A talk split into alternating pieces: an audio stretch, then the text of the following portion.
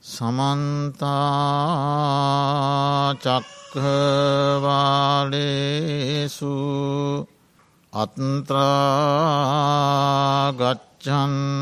දේවතා සද්දම්මං මුනිරාජස්ස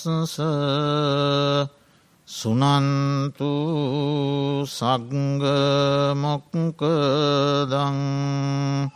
දම්මස් සවන කාලෝ අයං බදන්තා දම්මස් සවන කාලෝ අයං බදන්තා දම්මස් සවන කාලෝ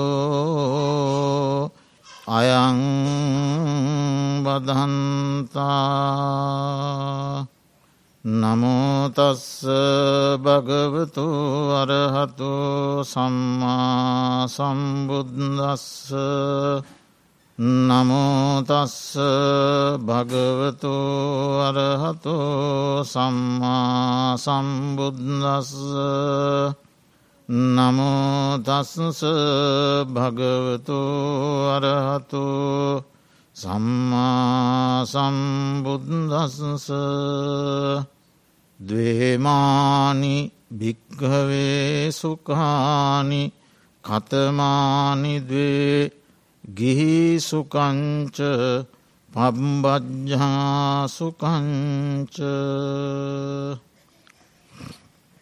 ශ්‍රද්ධාවන්ත කාරුණික පින්වතුනේ ටෙක්සාස් බෞද්ධ භාවනා මධ්‍යස්ථානයෙහි දෙදස් දහනමේ වර්සයේ වස්සාන කාලය තුළ සතියන්ත සෙනසුරාදා සන්දහාභාගී පැවැත්වෙන ධර්මදේශනාවට සවන් දෙන්න ඔබ සියලු දෙනා සූදානං වෙන්නේ.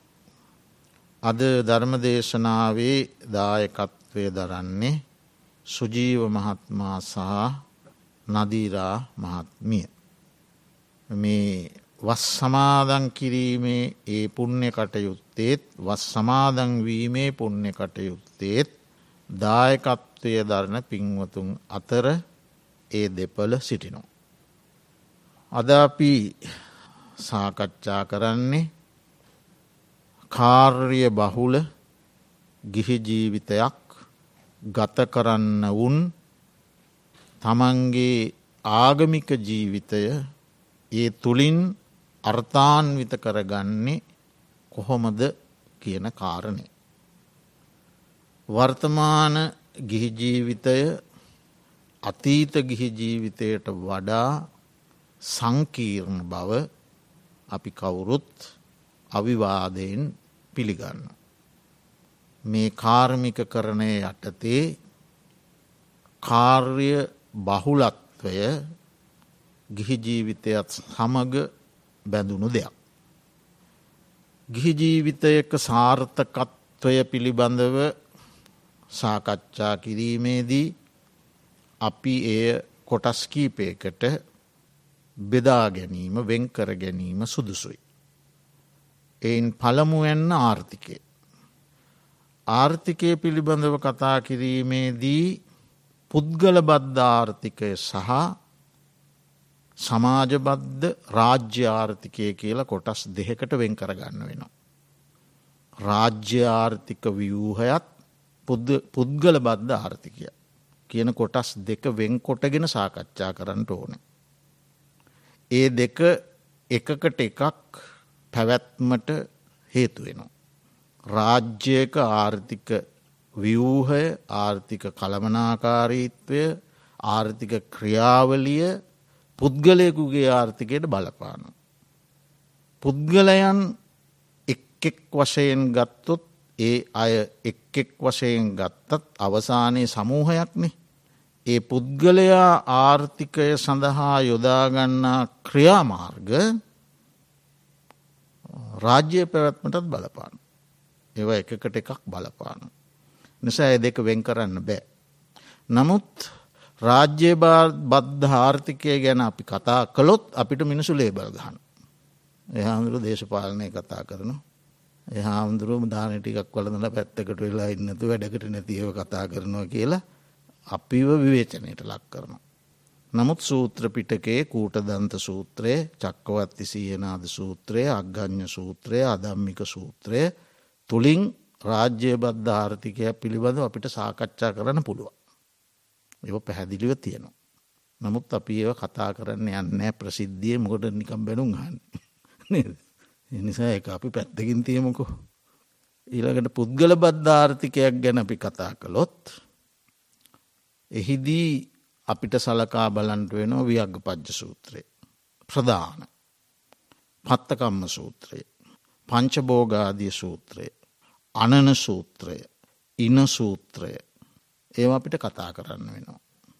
තොට වියග්ග පජ්්‍ය සූත්‍රයේ පැත්තට අපි නැබුරුනොත් ගිහි ජීවිතයක් ගත කරන අප්‍රමාණ සම්බාධ සහිත. සුදුවත් හඳින. දූදරුවන්ගේ බාධක මැද ජීවත් වන. රන්රිදී මසුකහවුණු පිළිගන්න. ගිහියා ගිහිපින්වතා ගිහි තැනැත්තා. තමන්ගේ ජීවිතයේ මෙලෝ වසයෙන් සාර්ථකත්වයට පත් කර ගැනීම සඳහා. අපි ලොකූ සාකච්ඡාවක් පෑකින් ඉවර කරන්න මේ යන්නේ නිසා පාලි වාක්‍යය ගොඩාක් මං එහෙම කියන්නේ. කෙටියෙන් ගත්ත තොයි පින්වතුන්ට පුළුවන් කෙටි දෙයක් විශාල ලෙස ග්‍රහණය කර ගන්න. උගත්තයිනේ. එතෝට අපි ගත්තොත් තමන් යම් වෘතියකය දෙන්නේ නම්. ගොවිතැන වේවා වෙළදාම වේවා රාජ්‍යසය වේවා ගවපාලනය වේවා වෙනත් ඕනෑම ශිල්පීය ක්‍රමයක් දැහැමි ශිල්පීය ක්‍රමයක්. තුළින් තමන්ගේ ජීවිතය තමන් පවත්වා ගන්නේ නම්. එහි දක්ෂයෙක් වෙන්ඩෝන. අලස නොවෙන්ඩෝන. උපාය දන්නා නුවනින් යුක්ත වෙන්ඩෝන. මේ තැනට මේ මොහොතට මේ වෙලාවට මේ කාලයට මේ ඉරුතුවට මේ මේ ආකාරයෙන් මේ මේ විදිහට මේ මේ අයුරින් කටයුතු කරන්න ඕන. කියන උපාය දන්නා නුවන දැනුම බුද්ධිය තියෙන්ට ඕන. ඒ කරන ක්‍රියාව වෘතිය තමන්ට කරන්නටත් හැකිවෙන්ඩ ඕන අන්න අය ලවා කරවීමේ හැකියාව තියෙන්ටත් ඕන. තව සේවක සේවිකාවන් සේවය කරනවන ඒව තැන්නට සුදුසු වෙලාවට යොදවලා ඒවා කරවන්න සංවිධාන ශක්තිය තියෙන්න්න ඕන. එක තමයි පළමුුවෙන්න. පුද්ගල බද්ධ ආර්ථිකයේ. දෙවැන්න. ඒ හරිහම්බ කරපු ධනය බෝග සම්පත්. කළමනාකරණය කර ගැනීම. මූලික අවශ්‍යතා දෙවන පෙළ අවශ්‍යතා අනවශ්‍යතා හඳුනා ගණ්ඩ ඕන. ඒ මූලික අවශ්‍යතාවයන්ට ඒව රිජෝ වියදං කරන්නට ඕන. නිවාස ආහාරපාන ඊළඟට බෙහෙත්තේත් ඇඳුම් පැළඳුම්. ඒ වගේ ප්‍රමාණය දැනගෙන ඒ මූලික අවශ්‍යතා ඉටු කරගන්න ඕන. දෙවන පෙළ අවශ්‍යතා අර මූලික අවශ්‍යතා ලෙස තදින් වෙළඳ ගණ්ඩ හොඳනෑ. ඊට වැඩිය හොඳයි ආයෝජනයක් හම්බ කරන දානය ඉදිරි පැවැත්ම සඳහා ආයෝජනයකට යොම් කිරීම. ඒ යොමු කරමින් ඒ අතර තුරේ දෙවැනි පෙලා අවශ්‍යතාවනුත් තුළින් තෘප්තියක් ලැබුවට කමක් නෑ. ඉල්ලට අනවශ්‍යතා කියන ඒවා වෙන් කරලා දාන්න ඕනේ. ඉති ඒ විදිහට තමන්ගේ ආර්ථිකය කළමනාකරණය කර ගැනීමේ දක්ෂකම හැකියාව. කරදර විපත් බාධක කොයි මොහොතේ පැමිණේ විදයි දන්නේ එවැනි අවස්ථාවලදී ප්‍රයෝජනය ගැනීම සඳහා යම් කිසිවක් ඉතිරි කරගන්නත් ඕන. ඒව අපිට කියලා එන්නෑ කවදාවත්. හදිසිය එන්න පුළුවන්. ඊළඟට කල්්‍යයාන මිත්‍ර ඇසුර. යම් ගමක හෝ නියම් ගමක හෝ වාසය කරන වැඩිහිටි වූ හෝ තරුණ වූ හෝ වැඩිහිටිම් වෙන්ට ඕන්නේ. යම් කෙනෙක් සද්ධා සම්පන්නනන් සීල සම්පන්නන් ත්‍යාගවන්තනං ප්‍රඥා සම්පන්නන. ඒ අය ඇසුරු කරන්න ඕන.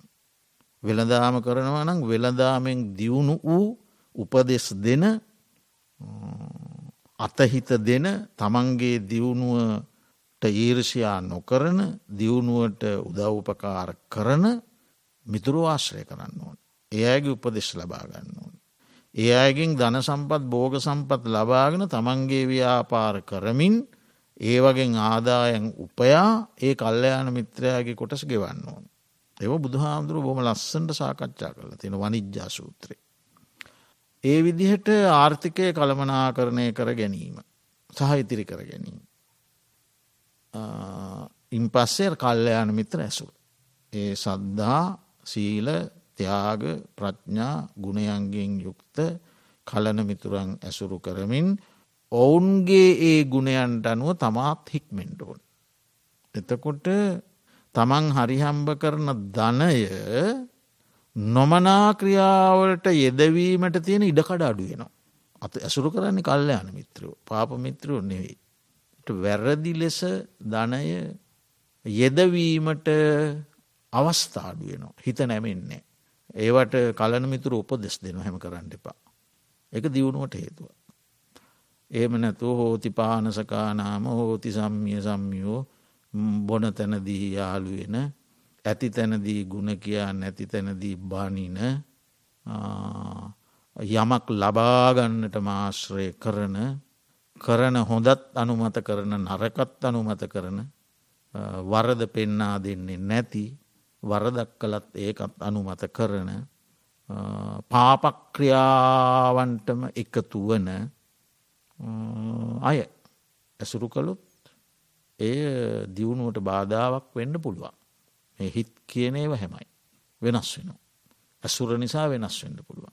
එක බෝසතාණන් වහන්සේ එක්තරා ආත්ම භාවයක රජතුමාගේ උපදේශක. රජතුමාගේ අස්වයෙක් හිටිය. රාජගනයේ අස්වේ. අස්වයා බලාගණ්ඩ හිටිය මගේ මතකේ හැටියට ගිරි දත්ත නම වෙනස්වෙන්ට පුළුවන් පුද්ගලෙක් අස්වයා බලාගන්න කෙන. එයාගේ පොඩි කොරයක් තිබුණ. ඇවිදිනකොට කොරගහන. ඉතින් දැ මේ අස්වයා ටිකක් කල් යනකොට මේ අස්වයා කොරගහන්න පටන් ගත්ත. ති අස්වයාට නොයකුත් වෙද්දුව ඇවිල්ල බැලුව අස්වයා පරීක්ෂා කරල මසනී පයන්නේ. සරීර අභ්‍යන්තරය මොකුත් ගැටලුවන්නේ හැබැ අස්වය කොරගහන්න. ටස උපදේශක බෝසතාණන් වහන්සේ කැදෙව්ව. බෝසතාණන් වහන්සේ පොඩ්ඩ පරීක්ෂා කරල බැලු. බල්ලකව රජතුවන මේ අස්වාරෝහකය අයින් කරන්නකිව. මෙයා කොරග ගහයන් නිසා අස්වයත් ඒ අනුව හික්මිලාකිව. කොරේට අනුව එයත් කොරගහන් පටන්ගෙන. ඉට පස්සේ එයා අයින් කර අයින් කරල වෙන හොඳ අස්වාරෝහකෙත් දැම්මම පසු කල් යනකොට අස්වය හොඳට ගමන් කළ. දැයකින් පෙන්නන්නේ පුද්ගලයා වෙනස්වෙන්ඩ පුළුවන් ඇසුරත් එක්. ඒකත් විශේෂ තැනක් දියුණුවට හේතුවන පුද්ගලයාගේ. ඊළඟට සමජීවි කතා. තමන් ආයංච බෝගානං විදිත්ව අයංච බෝගානං විදිත්වා සමංජීවිකන් කප්පේති. තමන්ගේට තමන්ට ලැබෙන ප්‍රමාණය දැන ඊට සරිලන ලෙස වියදම සකස් කර ගැනීම. තරාදියක බඩු කිරන මනුස්සෙක් වගේ. අයවැෑ සමයෝදැන කිරනවා වගේ. දෙපැත්ත සමෝදැන කිරනවාගේ අයවැෑ සමව දැනගන්න. ඕවා රාජ්‍ය බද්ධාර්ථිකයටත් වැදගත් ඒවා අපි කතා කරන්නේ. ඕ ගොඩාක් තියෙනවා කතා කරන්න. එතකොට ඒවා ප්‍රධාන කරුණු. දීර්ගව සාකච්ඡා කරන්න සූත්‍ර දේශනා තිබුණත් අපි අද කරුණු කීපයක් යටතේ කතා කරන නිසා ඒ එතන අපි ඒ ආර්ථික දියුණුව පිළිබඳ ඒ කාරණය අපි එතනින් නිමා කරනවා අපි ඉඩ ලැබුණ ඔය ධර්ම සාකච්ඡාවලද අපිට ඒව කරන්න පුළුවන්. ඊළඟට ඒ විදිහට පුද්ගල බද්ධ ආර්ථිකය සකස් කරගන්න ඕනේ ධාර්මිකෝ. දැහැමි කියන සීමාවට යටත්ව. ඉන් පස්සේ දැන් ගිහියෙක් වුණාම පවුල් ජීවිතයක් තියෙනවනේ. ඒ බිරිඳ සහ ස්වාමිපුරුෂයා අතර බොහොම තෘප්තිමත් පවුල් ජීවිතයක් ගොඩනගා ගන්න ඕනි. මොකද අවුරුදු විස්සි දෙකේ විසි පහේදී විතර විවාහ වුනා කියමුකු. අවුරුදු අසුවක් විතර ජීවත් වනා කියමුකු. තකොට අපි විසි පහ ඉඳල ගත්තොත් තිස්පා අතලිස්පා පනස්පහ ඇට පහ ඇත්තප අසූ. අවුරුදු පනස් පහක් විතර එක වහලයට ඉන්න පැයි. එකට එක වහලයට එකට මුළු දදිවාරෑ නොතකා ඉන්න ඕනේ. එතකොට ඒ ජීවිතය අතෘප්ති කරන මානසික සානයක් නෑ නිසා එක තෘප්තිමත්ව ගොඩ නගා ගන්න ඕන. ඒ සඳහා තියෙන්නේ සැකය වෙනුවට විශ්වාසය. සැකය කියන එක ආවොත් පවුල් ජීවිතයකට එතනම තමයි එය බිඳ වැටීමට තියෙන අසමගයට තියෙන පල්ලමු එනම බීජේ. එනිසා ගැටලුවක් මතු ගමන් සාකච්ඡා කරලා විසඳගන්නවා මිස සැක කර කරා ඉන්න ගියොත් එනිසා සැකේ වෙනුවට වැදගත් වෙන විශ්වාසය. දෙන්න අතර අන්‍යෝන්‍ය විශ්වාසය. ඊළඟට දෙදෙනා අතර සම ආචාරශීලී ගති පැවතුම් වල සම පැවැත්මක්. ස්වාමයා නොයික්මවන බිරිඳක් බිරිඳ නොයික්මෝන ස්වාමිපුරුෂයි. දෙන්නාට දෙන්නා ඒ ආචාරශීලී ගති පැවතින් වලින් සමානව බැඳී යන බව. අර විශ්වාසයට එකත් එකතු වෙන්ඩුවන්. අනාචාරයෙන් තොර වෙන්ඩුවන. ඊළඟට ආත්මාර්ථකාමීත්වයනුවට කැපකිරීම. ස්වාමයා බිරිඳ වෙනුවෙනුත් බිරිඳ ස්වාමයා වෙනුවෙනුත් ඇති කැපකිරීම. පරිත්‍යයාගයි. දෙදෙනා දෙදෙනාට පරිත්‍යයාගශීලී. ඒ මැදට අවුත් ස්වාමිපුරුෂය ආත්මාර්ථකාමීත්වයට නැබුරු වුණොත් බිරිඳ ගැන නොසලකා බිරිඳ ආත්මාර්ථකාමීත්වයට නැබුරුණුත් ස්වාමයා ගැන නොසලකා ඒ එතන ඇතිවෙන්නේ ලොකු අර්බුදයක්. ඒ නිසා දෙදෙනාගේ අදහස් හොඳින් හඳුනා ගෙන ඒවාට නැමෙන සුළු බවක්. මමම හරි කියන එක වෙනුවට ඒ ආත්මාර්ථකාමී ගතිය වෙනුවට අනිකාගේ අදහස්වලටත් නම්්‍යශීලී වෙමින් ඒ දෙදෙනා අතර තියෙන කැපවීම. ඊළඟට ප්‍රඥාව. ප්‍රඥාව කියන එක ගොඩාක් තැන්වල විස්තර කරන්න උද්‍යව්‍ය ඥානය.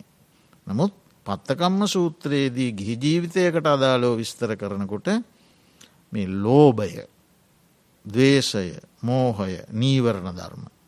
ඒ වගේ තියෙන අයහපත් පැත්ත දැනගන්නා බව.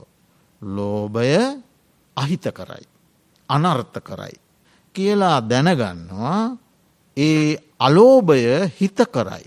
අර්ථ සම්පන්නයි කියල දැනගන්න. දවේශය අනර්ථ කරයි අහිත කරයි කියලා දන්නා බව මෛත්‍රිය හිත කරයි අර්ථ සම්පන්නයි කියල දන්නවා. ඒ විදිහට ඒ ලෝබදවේශමෝහ නීවරණ ධර්මයන්ගේ අහිතකර පැත්ත අනර්ථකාරී පැත්ත තේරුම් අරගෙන ඒවාට ප්‍රතිවිරුද්ධ වූ කුසල ධර්මයන්ගේ හිතකර පැත්ත අර්ථ සම්පන්න පැත්ත තේරුම් ගන. අර අහිතකර පැත්ත දුරු කරන්නටත් හිතකර පැත්ත වඩන්නටත් ඇති හැකියාව. එක ප්‍රඥාව. ඉතින් ඒ විදිහට මේ ප්‍රඥා සම්පන්න වීම. පවුල් ජීවිතයක සාර්ථකත්වයට පදනම. විශ්වාසය ආචාරශීලී ගති පැවතුම්වල සම බව දෙදෙනා දෙදෙනා කෙරෙහි ඇති කැපවීම සහ නුවනින් ඥානවන්තව ජීවිතව පැවැත්වීම. එතකොට හරි සතුටක් ප්‍රීතිමත් තෘප්තිමත් පවුල් ජීවිතයක්. ඉන් පස්සේ දැන් ඒ ගිහි ජීවිතයේ ගත කරන ඇත්තැන්ට ලොකු වගකීම් සමුදායක් තියෙන. යුතුකම් රාසියක් තියනො ඉටු කරන්නට. ස්වාමි පුරුෂයා පිරිඳ වෙනුවෙන් බිරිඳ ස්වාමි පුරුෂයා වෙනුවෙන් මෙම දූදරුවන්. මව්පියන්. තකොට එතනදී ඒ දෙදෙනා හොඳින් තේරුම් ගණ්ඩෝනෑ මම මගේ අම්මට මම මගේ තාත්තට ආදරයේ සේම මගේ ස්වාමි පුරුෂයා මගේ ස්වාමි පුරුෂයගේ අම්මට මගේ ස්වාම පුරුෂයගේ තාත්තට ආදරේ. එක තේරුම් ගණ්ඩුව නේමනැතුව බිරිඳ තමන්ගේ අම්මත් තාත්තට වෙනම හැන්දකින් බෙදලා ස්වාමයාගේ අම්ම තාත්තට වෙනම හැන්දකින් බෙදන්නකිවොත් එතන ප්‍රශ්නය. එහෙම බෑ. මම මගේ අම්මට තාත්තට ආදරී නම් බිරිඳත් එහෙම ආදරී. ස්වාමියත් එහෙම ආදරී. ඒක තේරුම් අරගෙන ඒ දරුවන්ට අම්ම තාත්තට ඒ දෙපාර්ශවයේ සහෝදර සහෝදරියන්ට ඥාතීන්ට සහ තමා ඇසුරු කරන සමාජයට කළ යුතු ඒ යුතුකම් තමන්ගේ ශක්ති බමනි ඉටු කිරීම. ඒක සමාජ ජීවිතය පැවැත්ම. තුට ඔය මම කෙටියෙන් කියන්නේ ඔය පිළිබඳව ගොඩ තියනවා සූත්‍ර දේශන ගොඩ්ඩ තියෙනවා සාකච්ඡා කරන්න. ඉතින් ඒ විදිහට ගිහි ජීවිතය සැපවත්ව තෘප්තිමත්ව සතුටුදායක විදිහට ගොඩනගා ගන්න ඕනේ. හැබැයි ඒ ගොඩනැගීම ඒ ගොඩනගා ගැනීම අර රාජ්‍ය බද්ධ ආර්ථිකයෙන් වෙන්කරන්න බැරි දෙයක්. පුද්ගල සමූහයක් එක්ක කතා කරු එක ඒක පුද්ගලයා ගැන කතා කරනට ඕක කතා කරන්න පුළුවන්. නමුත් සමස්ත සමාජයක් එක්ක කතා කරනකොට පුද්ගලයන්ගේ හැකියාවන් විවිධයි. නේද දක්ෂතාවයන් විවිධයි උගත්කම් අතර වෙනස්කම් තියෙනවා හැමෝම උගත්තු නවී නූගත් මිනිසුත් ජීවත් වෙන්ඩෝනේ එතකොට අපිට අර අතැන්ට කතා කරන්න වෙනවා. එක අපි විවෘත්තව බොහොම සාකච්ඡාසුවරූපයෙන් පසුව කතා කරමු. චක්කවත්ති සීයනාදී ආදි සූත්‍ර. හිතින් දැන් ඔය විදිහට ගිහි ජීවිතයක් ක්‍රමාණුකූලව ගොඩනගාගෙන ඊළඟට මේ අපිට අවශ්‍යය කරනවන්නේ අධ්‍යාත්මික සංවර්ධනයකුත් ඔය භෞතික සංවර්ධනය විතරක් නෙවෙන ජීවිතය කියන්නේ. මොකද හේතුව අපි අවුරුදු දසදහස් ගණන් ජීවත් වෙන මිනිසු නෙවෙයිනි. අවුරුදු සීයක් හෝ මදක් වැඩි කාලයක් මීට පෙර දැන් අවුරුදු අසූුවයි අසූපහයි අනුවයි ඒ වගේ සීමාවන්ට යටත් කාලයක් අපි ජීවත් වෙන්නේ. එතකොට අපිට අවශ්‍ය කරනවා විවේකයක්. මේ කාර්ය බහුල ජීවිතයට යම්කිසි විවේකයක් ඕන. වාහනයක් වුණත් එක්ක දිගට දිවන්ඩ බෑනේ එකට විවේකයක් ඕන්න මංහිතන පෑ දොලහක් විතර දිවම විවේක ගන්නන්න ඕනේ වාහනේනේ එන්ජින්න එක නතර කරලා තියන්න ඕනේ මේ ශරීර කූඩුවත් එහෙම තමයි. එක දිගට පිම්මේ දුවල බෑ මේක පොඩ්ඩක් නවත්තන්න ඕන. විවේකය. ඒ විවේකය දැහැමිව ධාර්මික ප්‍රීතිසුකය කියලා එකට ගැන්. දැහැමි ප්‍රීතියකින් ජීවිතය තෙත් කරන්න ඕන ඒ විවේක කාලේ. ඉතිං අවශ්‍ය නම් ඕනෑම කෙනෙකුට විවේකය ලබාගන්න පුළුවන්. අපිට විවේකයක් නෑ කියන්නේ විවේකයට අවශ්‍යතාවයක් නැති එක. අවශ්‍ය ඕනම කෙනෙකුට විවේකය හොයන්න පුළුවන්. තමන් ක්‍රමාණුකූලෝ තමන්ගේ කාරයන් යෙදුනොත් විවේකය ඕන තනන් සපය ගන්න පුළුවන්. යටත් පිරිසෙන් පෑ භාගයක්වත් ආගමික ජීවිතයට විවේකයක් හොයා ගන්න ඕනි දවසකට. එදිනදා කාර්යයන්නේ යෙදිලා. ඉතින් ඒ විවේකය ගත කිරීමට තව නොයකුත් ක්‍රම තියෙනවා. සංගීතයෙන් ඒක වරදක් නෑ. එයින් විවේකය සොයන්න පුළුව විවේකයේ විදියට ගත කරනවා. ඊළඟට බොහොම හරවත් පොත පත කියවීමෙන් විවේකය ගත කරන්න පුළුවන්. හරවත් වැඩසටහං ශ්‍රවණය කිරීමෙන්. තමන්ගේ හිතේ දවේශාදී ක්ලේෂ ඇතිවෙන ඔය නානාවිධ කතන්තරවලට හැවුන්කන් දෙනවට වඩා හරවත් ධර්ම දේශනා ධර්ම සාකච්ඡා වැනිදේකට හිත යොමු කරලා විවේකය ගත කරන්න පුළුවන්. ඊට අමතරව භාවනාව. විවේකව ගත කරන්න දවසකට පෑභාගයක්වත් වෙන් කරගන්න ඕන. තුනුරුවන් වන්දනා කරලා කෙටියෙන් නමුත් ඒ පැත්තක් ගැන හිතන්න ඕනි. එහිදී බුදු දහම නිර්දේශ කරනවා දාන ශීල භාවන. ත්‍රවිධ පුුණ්‍යයක් ක්‍රියා. එක තව පුළුල් වෙලා යනවා දස පුුණ්‍යයක් ක්‍රියාදී විදිහට නමුත් ප්‍රධානය ගැන්වීම ත්‍රවිධ පුුණ්‍යයක් ක්‍රියා. වර්ධනයක් එහාට තියෙනවා. අපි මුලින් පටන්ගනු දානශීල භාවන.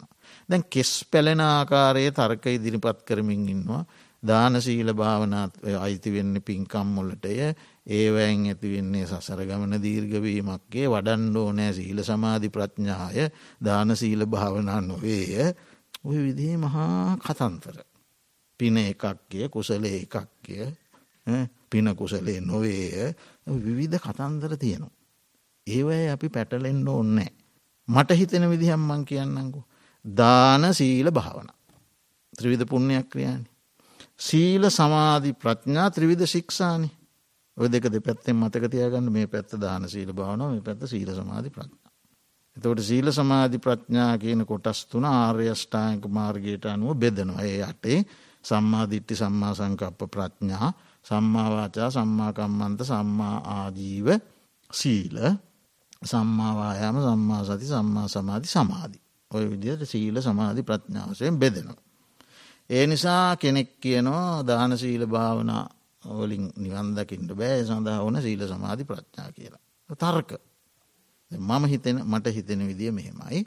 දාන සීල භාවන. සීල සමාධි ප්‍රඥා. එතකොට අපි දාන සීල භාවනාවල දානය පැත්තකින් මොහොතකට අයින් කරමු. එතකොට ඉතිරුවෙන්නමකක්ද. සීල භාවන. එතකොට දැන් ඔන්න මේ පැත්ත සීල භාවන ඉතුරුයි. අර පැත්ති තියෙනවා සීල සමාධි ප්‍රඥා.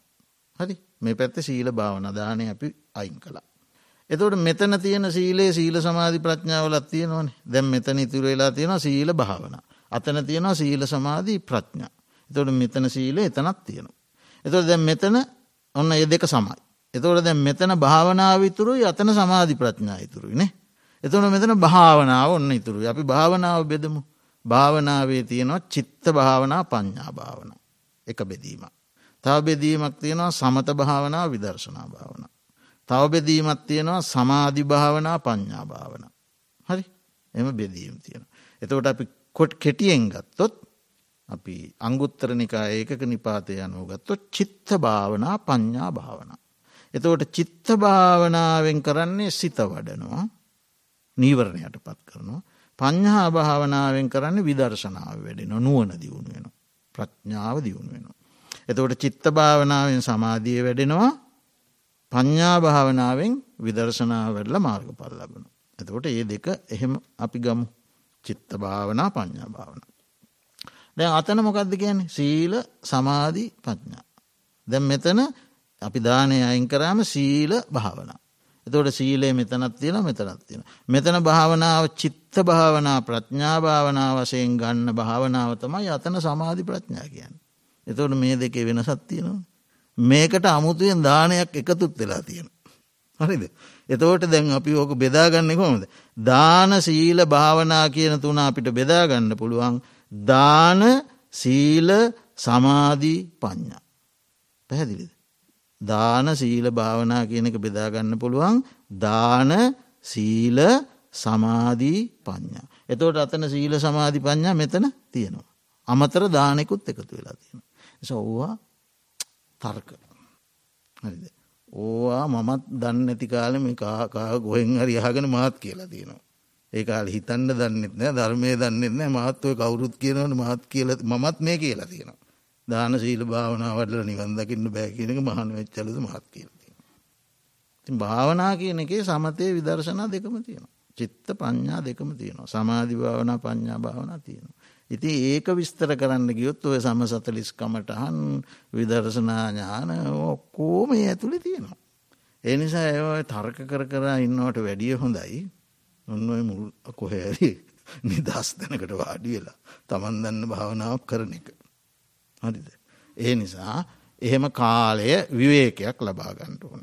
විවේකයක් ලබාගෙන නිදහස් තැනක වාඩි වෙලා අපි ගමකෝ අපේ හිතට බෝම සැහැල්ලු දෙයක් තමයි මෛත්‍රී භාවනාව.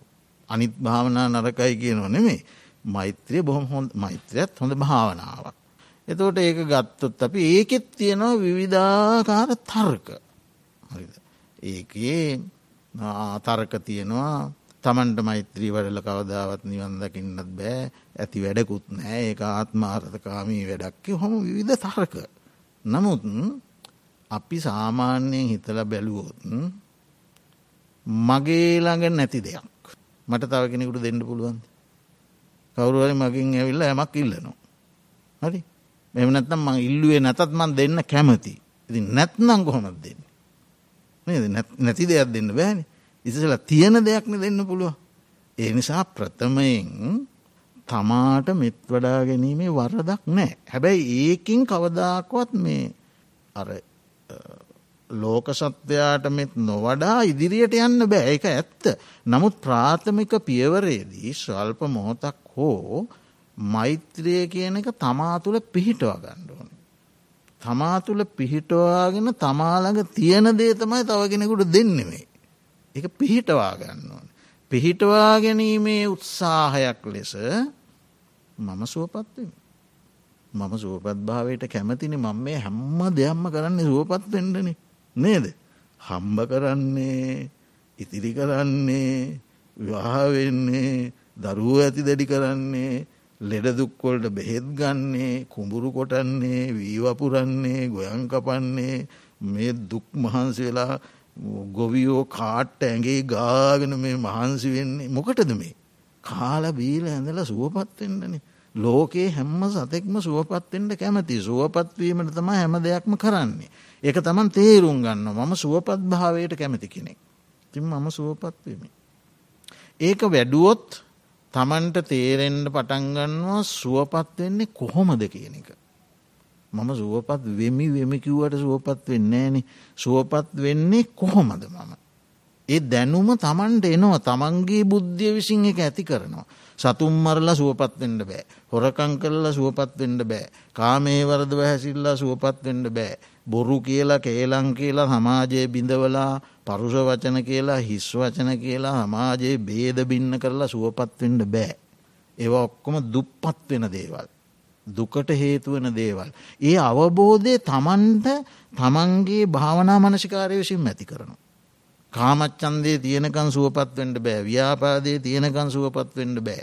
තීන මිද්දේ උද්දච්චකුක් කුච්චේ විචිකිච්චා මේවා නැත්තු තියෙනකන් සුවපත්වෙන්ට බෑ. එනිසා මම දැම් මේ සුවපත්වීමේ මාර්ගයකින්නේ තමාගේ සුවපත් බව තමන්ට දැනෙන්න පටන් ගන්න. ඒ හැම වෙලාම නැතිවුණත් ඒ භාවනාව වඩන වෙලාවෙ දැනෙනවා. මම දැම් මේ සුවපත් මානසික මට්ටමකින්නේ. දැන් මගේ ජීවිතය මේ මොහොතේ පවතින්නේ මට දැන් අතීතයනෑ අනාගතයනෑ මං මේ මොහොතේ මේ සුවපත් වෙනවා. තමන් ඒක දකිනවා. ඒ තමන්ගේ දැක්ම තමන්ගේ අවබෝධය තමන්ගේ සුවපත් භාවය තමයි ඉම් පස්සේ අන් සත්වයන් කරා යොමු කරන්න. මා මෙන්ම දැම් මම සුවපත්නේ මා මෙන්ම අන්න අය සුවපත්වෙත්වා. හරිද. ඒකෙදී දැනුම ලබා ගැනීම පිණිස බෝම හොඳයි කරණීය සූත්‍රයේ. එතැන්දි බුදුරජාණන් වහන්සේ සත් සත්ව සමාජයේ කොටස් පහලෝකට බෙදනවා. තැති ගත්තාය තැති නොගත් අය අවශේෂ සත්වයෝ දීර්ඝ ජාති ඇති සත්වයෝ මහත්තු මහත්ජාති ඇති සත්වයෝ ඔහොම පහලෝකට බෙදෙනවා. ඒ දැනීමට තොට අපි මෛත්‍රී වැඩිය යුත්තේ මෙන්න මේ පහලෝකට වර්ග කරලා තියෙන සත්ව සමාජයට. තොට අපි ඒක දැන් දන්නවා. ඊළඟට බුදුරජාණන් වහන්සේ දේශනා කරනවා බ්‍රාහ්මණය මම දහවල් දානයෙන් පසු වනයට පිවිස තන ඇතිරියක් මත පර්යංකේ වාඩිවී මම මගේ මෙත් සිත පතුරුවනු. බුදුහාමුදුරුව පතුරුවන හැටි බුදුරජාණන් වහන්සේ දේශනා කරන. කාටද පතුරුවන්නේ. ඒකන් දිසං පරිත්වා විහරති. එක දිසාාවකට පතුරුවනු. අපි කිම නැගෙනෙර දිසා ඒ දිසාවේ ඉන්න සියලු සත්වය අරමුණු කරගෙන පතුරුවනු. තතා දුතියන් දෙවනි දිසාවටත් පතුරුවනු. තතා තතියන් තුන්වැනි දිසාවටත් පතුරුවනු. තතා චතුත්තිං හතරවන දිසාවටත් පතුරුවනු. උද්ද මදෝ තිරියන් උඩ දිසාවටත් පතුරුවනු. යට දිසාවටත් පසුරුවනු. තිරියන් කියල කියන්නේ අවට සියලු දිසාවට පතුරුවනු. ඉති ඒ මෛත්‍රයේ පතුරුවන එක කර දැන් අපි ඒක දැනගෙනන්නවා. මොකක්ද මේ මෛත්‍රී අපි පතුරුවන්නේ මේ සියලූම දිසාවලට. දිසාවල ඉන්න සත්වයන්. එහෙම තමයි බුදුරජාණන් වහන්සේ මෛත්‍රිය පැතිරෙව්වේ. ඒ අපි දැන්දන් දැනගෙන ඉන්නවා. ඊළඟට තව තියෙනවා. බුදුරජාණන් වහන්සේ දේශනා කරනවා අර ස්වාමීන් වහන්සේ නමකට සර්පයෙක් දෂ්ට කරලා කලුරිය කලාම. ඒ භික්‍ෂුව සතුන්ට මෙත් වැඩුවනං සර්පයෙක් දෂ්ට කළද කලුරිය කරන්න නෑකිව්ව. දෂ්ට කරන්න පුළුවන් කලුරිය කරන්නේ. කාටද මෙත් වඩන්නේ. අපාදකයෙහිමේ මෙත්තම්. පා නැති සත්වයෝ. මෙත්තන් ද්විපාදකයෙහිමේ පා දෙකක් ඇති සත්වයෝ. කෙරෙහි මාගේ මෛත්‍රිය වේවා. පා නැති සත්වයන්ට මාගේ මෛත්‍රී වේවා. පා දෙකක් ඇති සත්වයන්ට මාගේ මෛත්‍රිය වේවා. චතුප්ප දේහිමේ මෙත්තම්. පාද හතරක් ඇති සත්වයන්ට මාගේ මෛත්‍රිය වේවා. මෙත්තම් බහුප්පදේහිමේ. බොහෝ පාද ඇති සත්වයන්ටත් මාගේ මෛත්‍රිය වේවා. අන්න එතෙන්දි සත්වවර්ග හතරක් ගන්න. මොනවද හතර. පා නැති පා දෙකක් ඇති පාද හතරක් ඇති බොහෝ පාද ඇති. එතවට ඔන්න කරණී මෙත සූත්‍රයේ පාලොස්සාකාරයකට අතන දිසාවිදිහට මෙතන සත්වර්ග හතරකට එහෙම. ඉතින් ඔය ටික තේරුම් අරගෙන යම් කෙනෙකුට පුළුවන්නන් තමා කෙරෙහි පළමුුවෙන් මෙත් වඩාගෙන මෙත් සිතක් ඇති කරගෙන ලෝක සත්ව සමූහයාම එකට අරමුණු කරන්නට එයා දක්ෂනම් කමක් නෑ. යට අරමුණු කරන්න පුළුවන් කිසිදු බාධාවන්නේ. එහෙම නැතුව එයා කැමතිනං පා නැති සත්වය අරමුණු කරගන්න. පානැති සත්වයෝ සූපත්ත්වා සූපත්ත්වා සූප ඒවාට අරමුණු කරගන්න පුළුවන්න පානැති ඔය ගැරඩි පොළොංගු අධි පාදනෑ නේ සත්වයන්ට බඩගාගෙන යන සත්තු කෙලවල්ලුලින් ඒ සත්තු අරමුණු කරගන්න. පානෑ.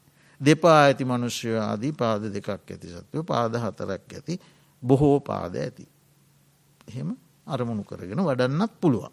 එහි කිසිදු ප්‍රශ්නයන්න කෙනෙකුට පුළුවන්නම් අරමුණ කෙටි කරගෙන භාවනාවට ගන්න අරමුණ නිමිත්ත කමටහන කෙටි කරගත්ත තරමට හොඳයි. තින් අර මූලික ප්‍රවේශයේදී අරම තමන්ට මෙත් වඩලා සුවපත්වෙත්වා සුවපත් වෙම්මා සුවපත් වෙම්මා සුවපත් වෙම්මා සුවපත් වෙමි වෙමි. දැන් වෙන බව දැන් මේ මේ මේ මේ මොහොතේ සුවපත් වෙන බව තමන් දැනගෙන ඊට පස්සේ තමන්ගේ ඒ සිත සියලු ලෝක සත්වයා සුවපත්වෙත්වා සියලු සත්වයෝ සූපත්වෙත්වා සියලු සත්වය සූපත්වෙත්වා සියලු සත්වය සූපත්වෙත්වා කියලා වඩන්නයා දක්ෂණං ඒ ක්‍රමය හොඳයි. එමෙත් වඩනවා. ඉතිං ඒක මේ අර විවේක කාලයේ දවසකට විනාඩි දහයක් පහළවක් එහෙම ආරම්භ කළොත් ඒක ටිකෙන් ටික යාට එයාටම හිතෙන අවර්ධනය කරගන්නඩ මේක මම තව ටිකක් කරන්න ඕනි. ඉතින් ඒ විදියට කරංගියොත් බුදුරජාණන් වහන්සේ දේශනා කරනවා අතීතයේ යම් කිසි කෙනෙක් කාමාවචර අකුසල් කරලා තියනොකින් සතුම් මල්ල තියෙන හොරකං කරලා තියෙන කාමේවර්ද හැසල්ලා තියෙන බොරු කියලා තියෙන පරුෂවච හිස්වචන කියලා තියෙන සම්ප්‍රප්පලාප කේලාම් කියලා තියෙන අන්සතු දේට දැඩිව ලෝභ කරලා තියෙන ව්‍යාපාදය මිත්‍යාදෘෂ්ටික අදහස්වල එල්බගෙන තිබෙන තියෙන දස අකුසල් කරපු කෙනෙක් කියලය අතීතේ. එයා මේ මොහොතේ ඒ අකුසලයන් වැරදී කියලා ඒවා පිළිකුල් කොට ඒවා අනර්ථකාරී දේවල් කියලා තේරුම් අරගෙන අවබෝධ කරගෙන මේ මොහොතේ පටම් මම ඒ අකුසල් කරන්නේ කියලා අධිෂ්ඨාන කරගෙන කුසල මාර්ගයට ප්‍රවේශ වෙලා අතීතේ වගෙන පසු තැවිල වැඩන්න ඒව මැරිලා ඉවරයි මැරුණේ වගෙන පසු තැවීමට ඇති පලයකුමන්ද. ඒවය අතහැරලා එයා මේ මොහොතේ මේ මෙත් සිත දියුණු කළොත්. කරුණාසිත දියුණු කළොත්. මුදිතාසිත දියුණු කළොත්. උපේක්ෂාසිත දියුණු කළොත්. බුදුරජාණන් වහන්සේ දේශනා කරනවා ඒ මෙත්සිත දියුණු කරලා මෙත්තා චේතූ විමුත්ති තත්වයට සිත පත් කරගත්තු. එක දිහාන ස්වභාවේ. ඒ මෙත්තාචේතු විමුක්තිය ලබපු පුද්ගලයාගේ ඒ සිත ඒ චිත්ත ස්වභාවය. අර කාමාවචර අකුසල්වලට මැඩලන්න බෑ කියන. හරි ඒ කාමාවචර අකුසල් දැන්ය කරගෙන තියෙනවන. ඒ කාමාවචර අකුසල්වලට බෑ මේ මෛත්‍රී චේතෝ විමුක්තිය නම් වූ තත්ත්වය යට කරන්න බෑ. මැඩලන්න බෑ. මේකමයි ප්‍රධාන වෙන්නේ. හැබැයි මේ මෛත්‍රී චේතෝ විමුක්තියට පුළුවන් අර කාමාවචර අකුසල් යට කරන්න. හරි බුදුරජාණන් වහන්සේ හෙම දේශනා කරන. ඒ වගේම දේශනා කරනවා යම් කෙනෙක් උදේ කාලෙ බත් හැලි සීයක් දන් දෙෙන. දාවල් කාලෙ බත් ඇලි සීයක් දන් දෙෙන. සන්ධයා කාලේ බත් හැලි සීයක් දන් දෙෙන. තොට බත් හැලි තුන්සීයක්. ඒ තුන්සීයක් දන් දෙන තැනැත්තාට වඩා අසුරක් ගහන මොහොතක් මෙත්තාචේතෝ විමුත්තිය වඩනවන. කැන සිත සියලූම ක්ලේෂයන්ගෙන් ඒ මොහොතට නිදහස් කරගෙන. තාම සුන්දරාකාරයට මෛත්‍රී සිතයාට පවත්වන්න පුළුවන්න. අසුරක මොහොතක් අර බත්හැලි තුන්සීයක් දන්දීමට වඩා. ඒ මෙත් සිත ආනිසංසදායකයි කියන. ඊටත් වඩා ආනිසංසදායකයි අනිච්ච සංඥාව වැඩීම. හරි ඒක හට යන එකක් නිතාව නමුත් මෙත් සිත අපි අද කතා කරේ මේ කෙටියෙන් ඒ ඒ වගේ අභ්‍යාසයක් ජීවිතය පුරා දෛනිකව පවත්වාගෙන යෑම. ඒක කාර්ය බහුල ජීවිතය කරන්න අමාරු දෙයක් නෙවෙයි. අවශ්‍යතාවයයි තියෙන්න්න ඕනේ. එකට තියෙන්න්න ඕන පල්ලවෙනිම කාරණය චන්දය. චන්දය කියනුවද කැමැත්ත. චන්දයනත් තම්බෑ. තමන්ට චන්දයක් ඇතිවෙන්ට ඕන. මං මෙවැනි අභ්‍යාශයක දෙනවා. ඉතින් ඒ චන්දය මත පද නම් වෙලා අධිෂ්ඨාන සහගත සිතකුත් ඇති කරගෙන මොනමාකාරයකින්මත් මම මේ ක්‍රියාවලිය නවත්තන්න මේක මන්දායිනිකව පවත්වනවාගෙන අධිෂ්ඨානය ඇති කරගෙන ඊට උපකාර වන වීර්ය උත්සාහය උනන්දුව දිරිමත් බව එයත් හිතේ ඇති කරගෙන විමසුන්නුවනින් යුක්තව ඒදේ කරනවා නම් ඒක මේ ජීවිතයට ලොක්කු මඟ පෙන්වීමක්. සමහරට තමන්ගේ ජීවිතයේ ශීලාදී ගුණෝල අඩුපාඩුකන් තියෙනවා කීම. දැ මේවා එකකට එක ප්‍රත්ති වෙන ආකාරයක් තියෙනවා.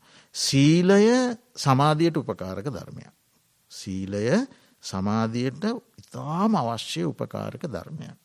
සමහර විටක සීලයේ යම් යම් අඩුපාඩුකං තියෙන කෙනෙක් වනත් තමන්ගේ චරිතයට ගැලපෙන කමටහනක් වඩනකොට එයාට ඒ භාවනාව තුළින් ලැබෙන අවබෝධය සහ දැක්ම දම්ම විච්චය එයාට ලැබෙන දහම් දැනුම විචාර බුද්ධිය.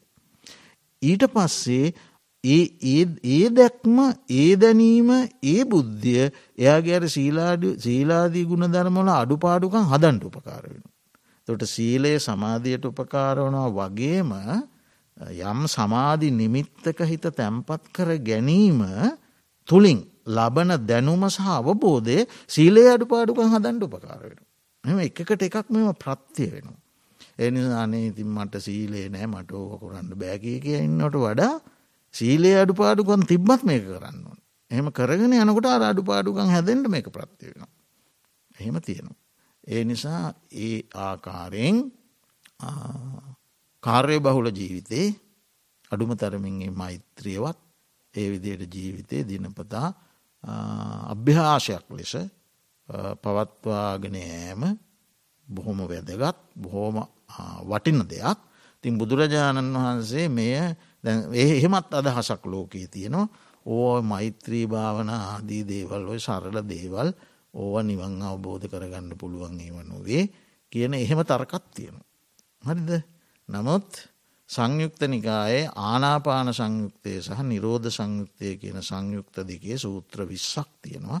ඒ සූත්‍ර විශ්ෂම එකම ආකාරයකට ගොුණු කරන්නේ මඟ පෙන්වන්නේ ඒ සූත්‍ර විශ්්‍ය තියෙනවා මෛත්‍රිය කියන එක. ඒ සූත්‍ර විශ්‍රේ කමටහන් විශ්සක් ගැන තමයි කියන්නේ. එහි මෛත්‍රය පිළිබඳවත් තියෙනවා.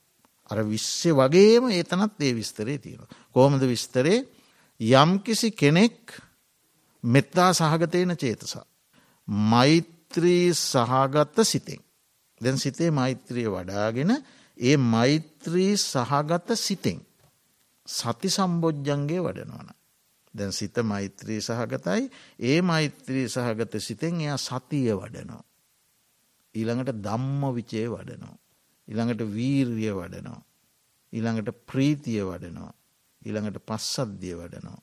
ඊළඟට සමාධිය වඩනවා. ඊළඟට උපේක්ෂාව වඩනවා. එතවට මෛත්‍රී සහගත සිත දැම් මොනව වඩන්ටද මේ යොමු කරන්නේ. සප්ත බොජ්ජංග ධර්ම වඩන්න. මුල් ආරම්භේමකක්ද මෛත්‍රී. දැම් මෙ මෛත්‍රී සහගත සිත යොමු කරන සප්ත බොජ්ජංගොලට බොජ්ජංග වඩනවා. බුදුරජාණන් වහන්සේ දේශනා කරන ඔයාට ලැබෙනවා ආනිසංස හතක්. එක. එය මහත් පලයි මහානිසංසයි. ඒ මෛත්‍රිය බොජ්ජංග වැඩනාකාරයෙන් කිරීම මහත් පලයි මහානිසංසයි. දෙක. එය මෙහ ජීවිතයේදී රහත්වීමට උපකාර වෙනවා. එයාට පුළුවන් මේ ජීවිතයේදී රහත්වෙන්. තුන මේ ජීවිතයේදී රහත් නොවනොත් උපාදිශේෂ සහිතව. එකන්නේ තවම උපදි ස්වල්පයක් තියෙනවා. අනාගාමි වෙලා බඹලෝ උපදින. සුද්ධාවාසය උපදින. රහත් නොවුණු. ඊළඟට දේශනා කරනවා එය මහත් අර්ථය ගෙන දෙනවා. පුද්ගලයට ලෞකික ලෝකෝත්තර අර්ථගෙන දෙනවා. මෙලව පරලෝ අර්ථකිවම ලොක් ගොඩුව විස්තර තියෙනවා. උබහාර්ථ මෙලවර්ථය පරලෝවර්තය. ලෞකිකර්තය ලෝකෝර්තාර්ථය. දිට්ට දම්මිකර්තය සම්පරායිකාර්තය. ඒත් මෙලව පරලෝ තමයි. ඒ විදි අර්ථගෙන දෙනවා. විවිධ අර්ථගෙන දෙනවා යායට. ඊළඟට යෝගක්හෙමය පිණිස හේතුවෙන්. යෝගක්හෙමය කියන්න යෝග කියන්නේ සසර යොදවන. නැවත නැවත සසර යොදවනවා. ඒ යොදවන ධර්ම හතරක් තියෙනවා. කාම බව දිට්ටි අවිච්චා. හතරයි. ඒ යෝගයන්ගේ ශේමය පිණිස ශේම භූමිය යෝගක් සේමය කියන්නේ නිවනටම කියන නම. තුර නිර්වාණය පිණිස උපකාර වෙනවා කියන එකයි මේ කියන්න. යෝගක්කේ මේ පිණිස හේතුවෙන. එතවට මහත් බලයි මානිසංසයි මෙලවදී රහත් වෙනවා නොයසේනං අනාගාම වෙලා සුද්ධවාසය උපදිනවා මහත් අර්ථය ගෙන දෙනවා යෝගක් හේමය පිණිස පවතින. අවසානක පහසු විහරණය පිණිස හේතුවෙන. මෙලව ජීවිතය බොහොම පහසුවෙන් ඉන්ඩ පුළුවන්. කරදර නැතු. කරදර ආවත් කරදර නෑ කියන්න බෑ කරදර එන්ඩ පුළුවන් වෙනදවාගේ. ආවට එයා පහසුවෙන් ඉන්න. ඒවගේ දයා දන්න උපේක්ෂාවෙන් ඉන්න. බලන්න. ඉති මොනවට තරකව මෛත්‍රී කල නිවන්දකින්න බැරි අරෝම ඒකින් පටන්ගෙන යන්නේ බොජ්ජං හරා නිර්වාණය දිසාවට. එනිසා ඔය ධර්මය සාකච්ඡා කරනකොට එක තැනකින් අරගෙන මෙන්න මෙතනින් ගන්න. මේ සූත්‍රය මෙතනින් ගන්න. මෙතනින් ඇරගෙන ඒක විවරණය කරනකොට අපිට තියෙන් ඕනෑ ඊට අදාළ තව දේශන අහවල්තලති අහවල්තෙන. එතන දේශනාව තියෙන මීට වෙනත් ආකාරයකින්. එතන අර අහවල් අහවල් සූත්‍රයේ තියෙන මීට වෙනස් ආකාරයකින්. කියලා ඒ එක මාතෘකාව විවිධ තැන්වල තියෙන විවිධ ආකාර මෙතනට අරගෙන ඒ ආකාරත් එක්ක සංසන්ධනාත්මකෝ බලන්න ඕන. එතවට තමයි නිවැරදි නිගමනයකට එන්න පුළුව. හරිද. එක තැනකින් පූර්ව නිගමනයකට ගියොත් ම අපේ ලංකාව හිටපු බෞද්ධ දර්ශනය තේරවාද මහායාන දෙයාකාර බෞද්ධ දර්ශනය පිළිබඳව විශ්වවිද්‍යාලයේ හිටපු මෑතභාගේ ශ්‍රේෂ්ඨම උගත් මහාචාරයවරය. පැවිදි ශිෂ්‍යෝ බරගානක් හදල තියෙන. පුත්තුම විදිහට කටපාඩම්.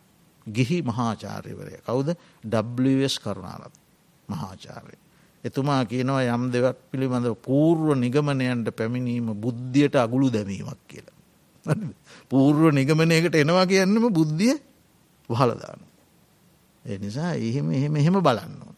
ඉති ඒ නිසා මේ මෛත්‍රිය අපි අද කෙටියෙන් කතා කළේ මෛත්‍රිය පිළිබඳවත් එහෙම තියෙනවා බෝම සාධනීය පුද්ගල ජීවිතයට බෝම අර්ථයක් ගෙන දෙන පැතිකඩක්. ඒ නිසා ඔය විදිහට ගිහි ජීවිතයේ කරකසතා මැද කටුකතා මැද අපි භෞතික පැත්ම මෙන්ම අධ්‍යාත්මික පැත්ම පිළිබඳවත් පැවැත්ම පිළිබඳවත් සැලකිල්ල යොමු කරමින් දාන ශීල භාවන ත්‍රවිධ පුුණ්‍යයක් ක්‍රියාවල යෙදෙන්. එහෙම යෙදෙනකොට දශපුුණ්‍යයක් ක්‍රියාත් ඒ ඇතුළේ සිද්ධ කරගන්න පුළුවන්. තර්කවල පැටලෙන්න යන්න එපා. ඒම කරමින් තමන්ගේ ජීවිතය අර්ථවත් කරගන්න ඒ සඳහා අද දවසේ අපි මේ කරන ලද්ද ධර්ම සාකච්ඡාව දේශනාවත් ඔබ සියලු දෙනාටම හේතු උපනිශ්‍රය වෙත්වා කියලා අපි ආශිංසනය කරන. එමෙන්ම ඒ වගේම අපි දැම් පුුණ්‍යානුමෝදනාව කරමු. අද දවසේ ධර්ම දේශනාවේ දායකත්වය දරූ සුජීව මහත්මාටත් නදිරානවනා මහත්මියටත් දරුවන් දෙදෙනාටත් දෙපාර්ශවයේම මව් දෙමවපියන් සහෝදර සහෝදරියන් ඇතුළු සියලූම ඥාති හිතයිශීන්ටත් නිදුක් නිරෝගී සුවපත්භාවය දිගාසිරි සම්පත් පිණිස මේ පින්කම් හේතුවාසනාවෙත්වා මෙලව ජීවිත සතුටෙන් සහනයෙන් සැනසුමෙන් ගත කිරීම සඳහා ගුණදහම් වඩා වර්ධනය කර ගැනීම සඳහා බුද්ධාදී රත්නත්‍රයේ අනන්තාශීරවාද ගුණ බලය හේතුවාසනාවෙත්වා කියලා අපි ආශීර්වාද කරනවා. ඒ වගේම නමින් පරලෝෂපත් යම්තාක් වර්ග පරම්පරානුගත ඥාතිවරගයා වෙත් නම් මේ පින් අනුමෝදන් වෙත්වා සැපතට පත්වෙත්වා නරකාදී සතරාපායුත්පත්ති දුක්කයන්ට පත්නවී දෙව් මිනිස් සැප කෙලව රමානිවනින් සැනසෙත්වා කියලා දෙවියන්ටත් ඥාතීන්ටත් පින් අනුමෝදන් කරමු. ඒ වගේම ධර්මශ්‍රවණය කලා වූ ඔබ සැම දෙනාටමත් මේ පින්කම් මෙලවින් වන්නා වූ අපල උපද්‍රව කරමදෝස අතුරුවන්තරා මාර්ග බාධක වෙත් නම් පැමිණෙත් නම් පැමිණෙන්න්නට ඇත්නම් ඒ සියල්ල හිරුදුරු ගනාදුරක්ෂයෙන් විහෙත විද්වංසනය වෙත්වා. හැම දෙනාටම සතුට සහනය සැනසුම සෞභාග්‍ය උදාවෙත්වා සියලු දෙනානමින් පරලෝසපත් ඥාතීන්ටත් සුජීවත්ව සිටින ඥාතීන්ටත් යහපතක් පිණිසම මේ පින් හේතු ආසනාවෙත්වා අවසානය අප සියලු දෙනාටමත් දෙවියන් සහිත ලෝකවාසී සියලූම සත්වයන්ටත් මේ පින්කම් බුද්ධාදී උතුමන් වහන්සේලා හොඳයි සැපයි කියා වරණනා කරන ලද ජාතියක් ජරාවක් මරණයක් ශෝකයක් දුකක් දුම්න්නසක් නැති සදාකාලික සැපෑති අමාමා නිර්වාණ සුවයෙන් සැනසුම පිණිස. හේතුවාසනාවිත්වා කියල පාර්ථනා ආකා සට්හා චබුම්මට්ටා දේවානාගා මහිද්දිකා පුඤ්ඥන්තන් අනුමෝදිත්වා චිරන්රක් අන්තු ශාසනං ආකාසට්ටාච බුම්මට්ටා දේවානාගා මහිද්දිකා පුඤ්ඥන්තන් අනුමෝදිත්වා චිරන්රක්කන්තු දේශනං ආකාසට්ටාච බුම්මට්ටා දේවානාගා මහිද්දිකා පුඤ්ඥන්තන් අනුමෝදිත්වා චිරන්රක්කන්තු මම් පරන්ති. ඉදම්මේ ඥාති නංහෝතු සුකිතා හොන්තු ඥාතයෝ. ඉදම්මේ ඥාති නංහෝතු සුකිතා හොන්තු ඥාතයෝ. ඉදම්මේ ඥාති නංහෝතු සුකිතා හොන්තු ඥාතයෝ.